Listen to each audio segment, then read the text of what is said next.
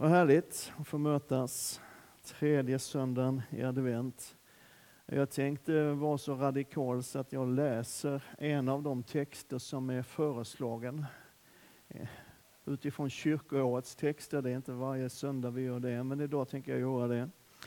Ifrån Lukas evangeliets tredje kapitel står det så här från den första versen. I kejsar Tiberius femtonde regeringsår, när Pontius Pilatus var ståthållare i Judeen, Herodes landsfurst i Galileen, hans bror Filippus i Ituren och Trachonitislandet och Lysanias i Abilene. Och när Hannas och Kaifas var överste präster, då kom Guds ord till Sakarias son Johannes i öknen. Han gick ut i hela området runt Jordan och förkunnade omvändelsens dop till syndernas förlåtelse. Som det står skrivet i boken med profeten Jesajas ord. En röst ropar i öknen. Bana väg för Herren. Gör stigarna raka för honom. Varje dal ska fyllas, alla berg och höjder sänkas. Det krokiga ska rätas, Ojämna vägar ska jämnas och alla människor ska se Guds frälsning. Amen. Vet, Lukas han, han drar i rejält som han brukar göra. Han är noga med tidsangivelse. Eh, och här får du dem rejält. Han berättar att det här hände när Herodes son Tiberius var kejsare och det var i hans femtonde regeringsår. Och precis som du vet så Lite grann beroende på hur man räknar så var Tiberius kejsare från år 12 ungefär och då samregerade han med sin far under två år och så blev han ensam kejsare ungefär år 14, det visste du ju redan. Ehm, så att det här som Lukas berättar om, det hände antagligen sådär år 26 eller år 28 eller något. Men för Lukas var det viktigt. Och det handlar ju om Johannes döparen, om vem han var.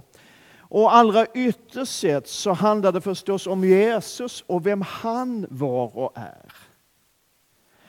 Och budskapet som kommer i den här texten är att innan han kommer, innan löftessonen, innan Messias som profeten har profeterat om i århundraden, innan han kommer och innan vi får möta honom så behöver vägen beredas för honom. Bana väg för Herren. Och Det är också temat för tredje söndagen i advent. Bana väg för Herren. Och Det där är ju någonting som sägs ganska ofta så här i adventstid. Vi känner igen det, antar jag. Och Vi sjunger om det i en del av adventssångerna och psalmerna. Men man kan ju ändå fundera lite grann över vad betyder det egentligen? Att bana väg för Herren. Och svaret finns ju i texten. Uppmaningen att bana väg för Herren följs liksom av instruktioner om hur det ska gå till. Gör stigarna raka, fyll ut dalarna Sänk höjderna, räta ut det krokiga och jämna ut det ojämna. Om man då ska kontextualisera, det vill säga ta någonting och sätta in det i ett sammanhang som man begriper, så liksom i en svensk vinterlandskap så betyder det här ploga, sanda, salta. Det det är vad Johannes döparen talar om där ute i öknen. Alltså det handlar ju om att röja undan hinder. Att få bort det som är i vägen.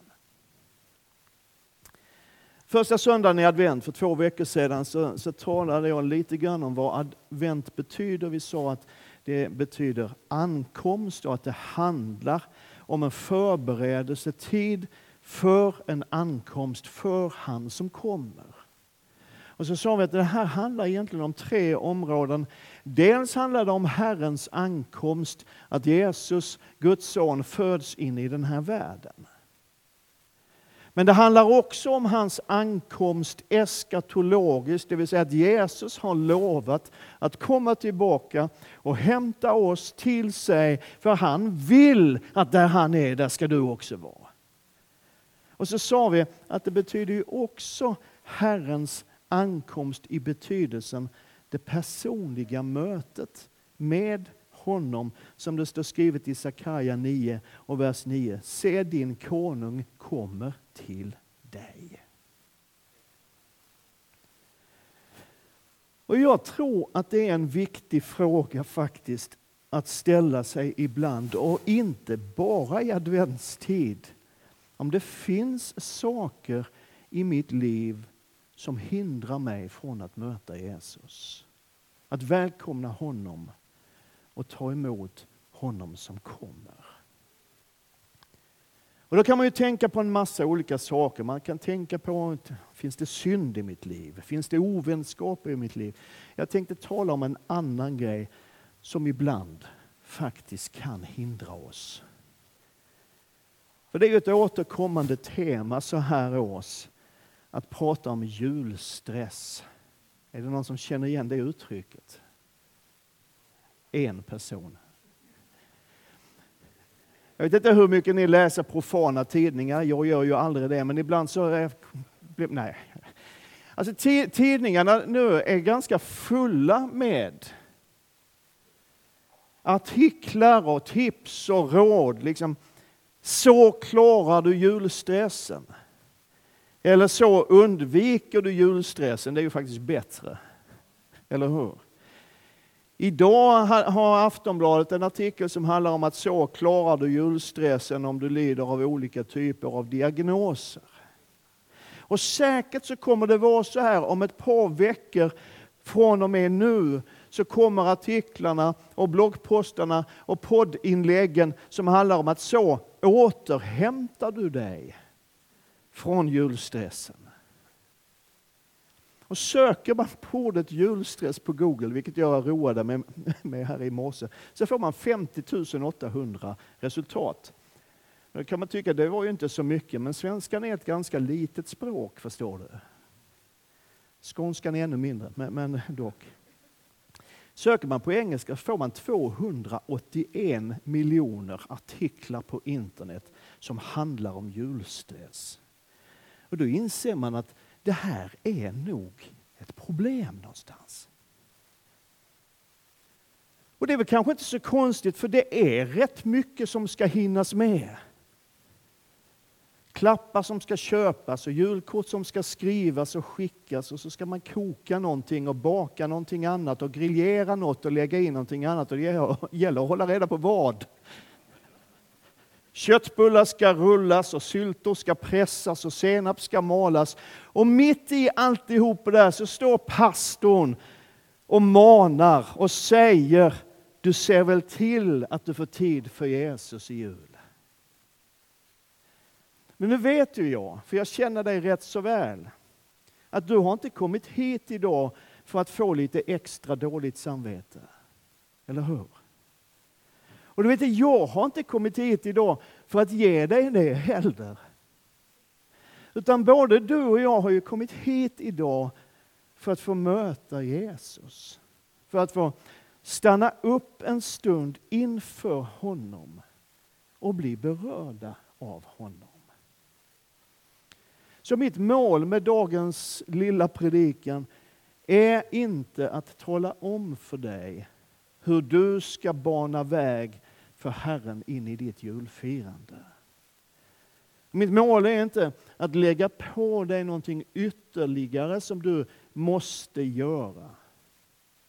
Utan mitt mål med den här väldigt enkla predikan idag är att ge dig någonting från Guds ord som i bästa fall kan få bidra till att bana en väg för Jesus till dig och hjälpa dig att få möta honom. För det är ju det som är målet med det där bana väg. Det stod i texten vi läste och alla människor ska se Guds frälsning. Så varför ska alla hinder röjas undan. Varför? Jo, för att du och jag och alla människor ska få se Jesus. Vet, ibland så funderar jag på varför vi lägger sån möda på att skapa ett perfekt firande av någonting som inte alls var särskilt perfekt. Åtminstone inte i det yttre. Guds son, Jesus Kristus, själv Gud, föds in i en värld som inte har tid med honom. Han föds in i en värld som inte har plats för honom. Det fanns inte ens ett rum att hyra där han kunde födas. Och ganska snart så tvingas den här lilla familjen, Josef, Maria och Jesus, att fly, att bli flyktingar, precis som 103 miljoner människor i världen just nu. Och när de äntligen kommer tillbaka och Jesus växer upp och så småningom börjar sin verksamhet och börjar predika om Guds rike och börjar göra under och tecken, så har han myndigheterna mot sig. Han har religionen mot sig. Han har de fina och förnäma mot sig. Så i yttre mening så är det ganska lite som var så där perfekt och gemytligt och härligt. Och jag tror att det är så viktigt. Och det ligger någonting så viktigt i att inse och fatta att evangelium om Jesus inte handlar om att sätta lite extra guldkant på en redan ganska perfekt tillvaro. Och att evangelium om Jesus egentligen, och det här vet vi, egentligen inte handlar om klappar och julmat och alltihop det här. Och att evangelium om Jesus inte går ut på att göra hyfsat lyckade människor ännu lite bättre. Utan att det handlar om Guds plan att rädda en väldigt trasig värld. En värld som inte är perfekt. En värld där det finns sorg. En värld där det finns sjukdom, där det finns fattigdom och där det finns ensamhet. Och till den världen och rakt in i den världen så kommer han, Jesus Kristus, Guds son och själv Gud. Och till den världen, till den värld som är trasig och sorgsen och som drabbas av mörkret, så säger han, Jesus Kristus, Guds son och själv Gud, Kom. Kom. Och de han vänder sig till är liksom inte de här perfekta och rakt igenom lyckade. Utan när han talar om varför han har kommit och vad det är han vill göra så säger han det här att Herrens ande är över mig. Han har smort mig att förkunna glädjens budskap för de fattiga.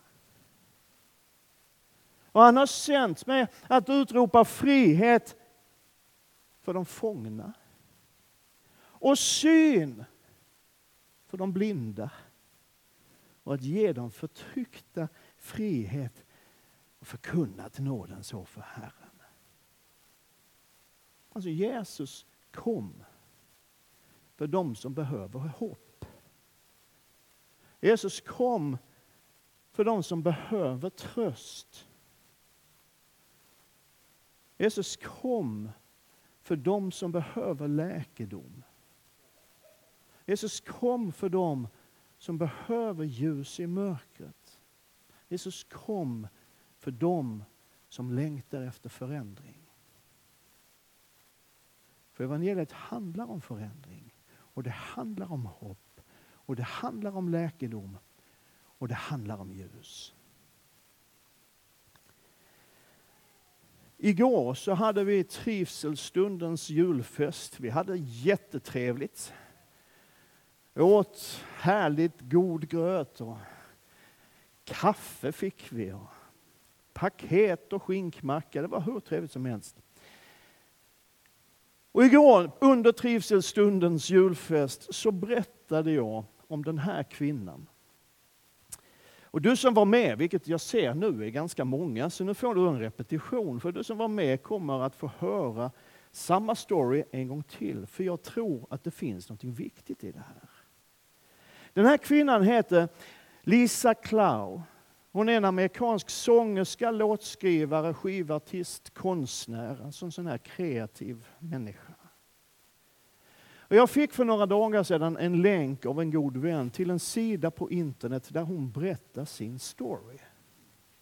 Och den berörde mig så djupt så jag delade den på julfesten igår och jag tänker dela den med dig här idag också. Därför att den i all sin enkelhet är en sån fantastisk sammanfattning av vad evangeliet egentligen handlar om. På den här hemsidan på internet så berättar Lisa Klau om det svåraste året i hennes liv. Hon och hennes man hade det väldigt kämpigt och hade haft under en tid väldigt kämpigt ekonomiskt. Riktig kris var det. Och det påverkade deras relation. Alltså du vet hur det är, när man är orolig för någonting så blir man inte så trevlig. Så de kanske inte var så trevliga. Men mitt i alltihop det här så fick de ändå ett väldigt glatt besked att Lisa var gravid med tvillingar. Och det blev liksom ett, en glädje, ett ljus i, i allt elände. Men den glädjen varade inte så där jättelänge. För en bit in i graviditeten så får Lisa missfall och förlorar båda de här barnen. Och så hamnar hon, berättar hon, i en djup depression. Där hon kämpar med både bitterhet och total uppgivenhet, arg på Gud, irriterad på sin man. Och relationen makarna emellan börjar mer och mer gå sönder. Och Lisa beskriver att det var som ett stort mörker har lagt sig över hela hennes liv. Och i december det här året, det här är ett par år sedan, i december det året så skulle hennes kyrka, den de båda, båda två tillhörde, skulle ordna sin årliga julkonsert. Och där brukade Lisa vara med som en av solisterna och sjunga, sjunga med och liksom stå på scenen i den här stora julkonserten. Men den här gången så orkade hon inte. Utan hon meddelade de som var ansvariga att hon liksom inte klarar av att stå på scenen inför folk och sjunga glada och härliga sånger när hon mådde som hon gjorde. Men hon gick på konserten. Och så började den här konserten med att hela kyrkan stod upp och sjöng den här klassiska julsången som på svenska heter Dagen är, har kommit eller Dagen är kommen. Fast den engelska originaltexten är ganska annorlunda än den svenska texten. Den engelska originaltexten börjar så här. Oh come, all you faithful, joyful and triumphant. Alltså kom, alla ni trof, trofasta och trosfriska. Kom ni glädjefyllda. Kom ni triumferande. Och så berättar Lisa hur de där orden, den första strofen, kändes som ett knytnävsslag rakt i magen. För när hon hörde de här orden så kände hon att på den där listan är jag inte med. För min tro är inte fast. Jag är inte alls särskilt fylld av glädje. Och minst av allt så är jag triumferande. Så hon slutade sjunga. Hon sjöng inte mer på den konserten. Hon bara satt under konserten och kände sig utanför och värdelös. Och när hon kom hem så snurrade tankarna och så frågade hon sig själv. Är det verkligen de som Jesus vänder sig till? De med en stark och frisk och härlig tro. De som är så fyllda med glädje och de som är så där triumferande, är det de som Jesus vänder sig till? Och där i hennes ensamhet så påminner den helige Ande henne om vad Jesus sa när han sa Kom till mig, alla ni som är tyngda av bördor. Jag ska skänka er vila. Kom till mig, ni som är tyngda av bördor. Jag ska skänka er vila. Och den kvällen så bestämde sig Lisa Klau för att skriva en ny julsång.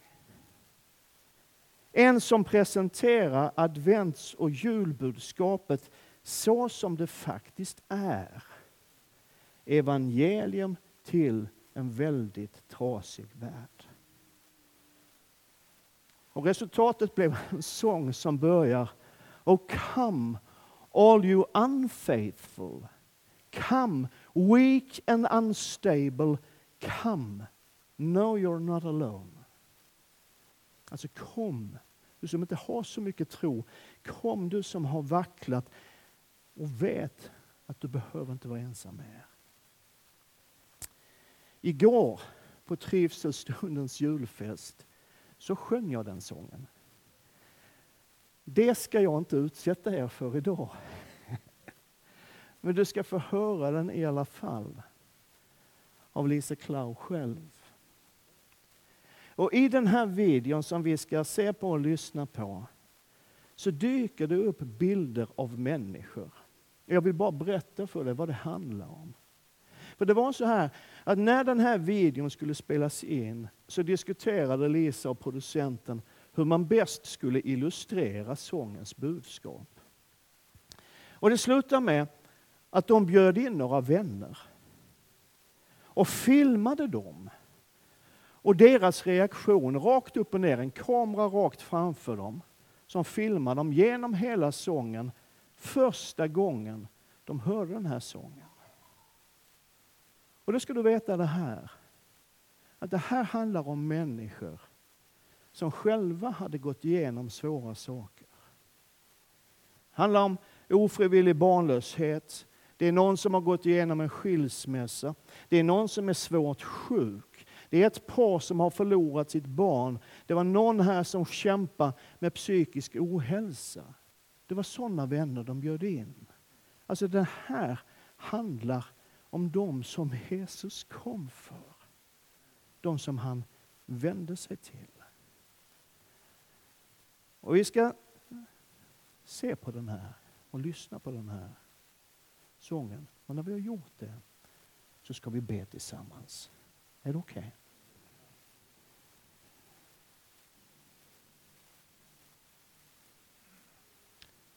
Ska vi be?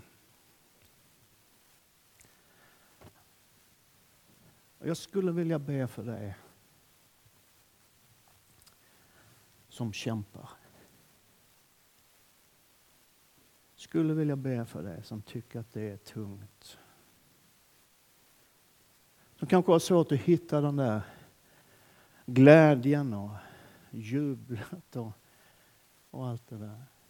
Därför det är för mycket av det här livet som drabbar. Så kan vi bara göra så här att vi, vi sluter ögonen, böjer ner huvudet. Så vill jag bara fråga om du, om, om du vill att jag speciellt ska inkludera dig. Jag kommer inte peka ut dig, jag kommer inte göra någonting annat. Men om du vill att jag ska inkludera dig på, speciellt i den här bönen som jag ber för oss alla. Så bara lyft upp din hand just nu. Gud välsigne dig, Gud välsigne dig och dig. Många, många händer. Tack Jesus.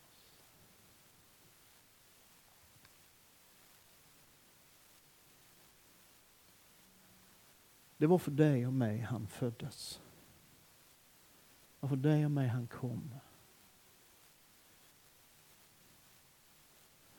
Jesus, tack att du känner varje hjärta, du känner varje människa.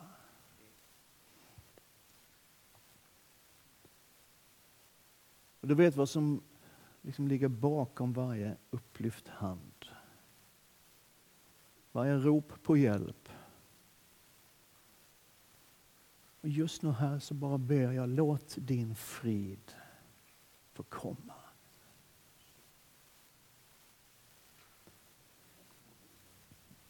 Du har själv sagt det, du har själv lovat att den som bär på tunga bördor får komma till dig. Och du kommer att ge vila, du kommer att ge frid. Så det är det vi ber om Gud. Kom.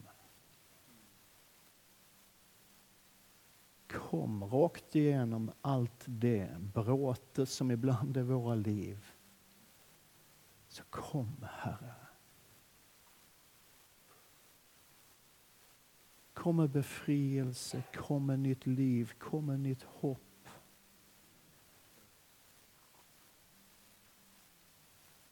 Kom och lyft och stärk. Kom och rädda oss.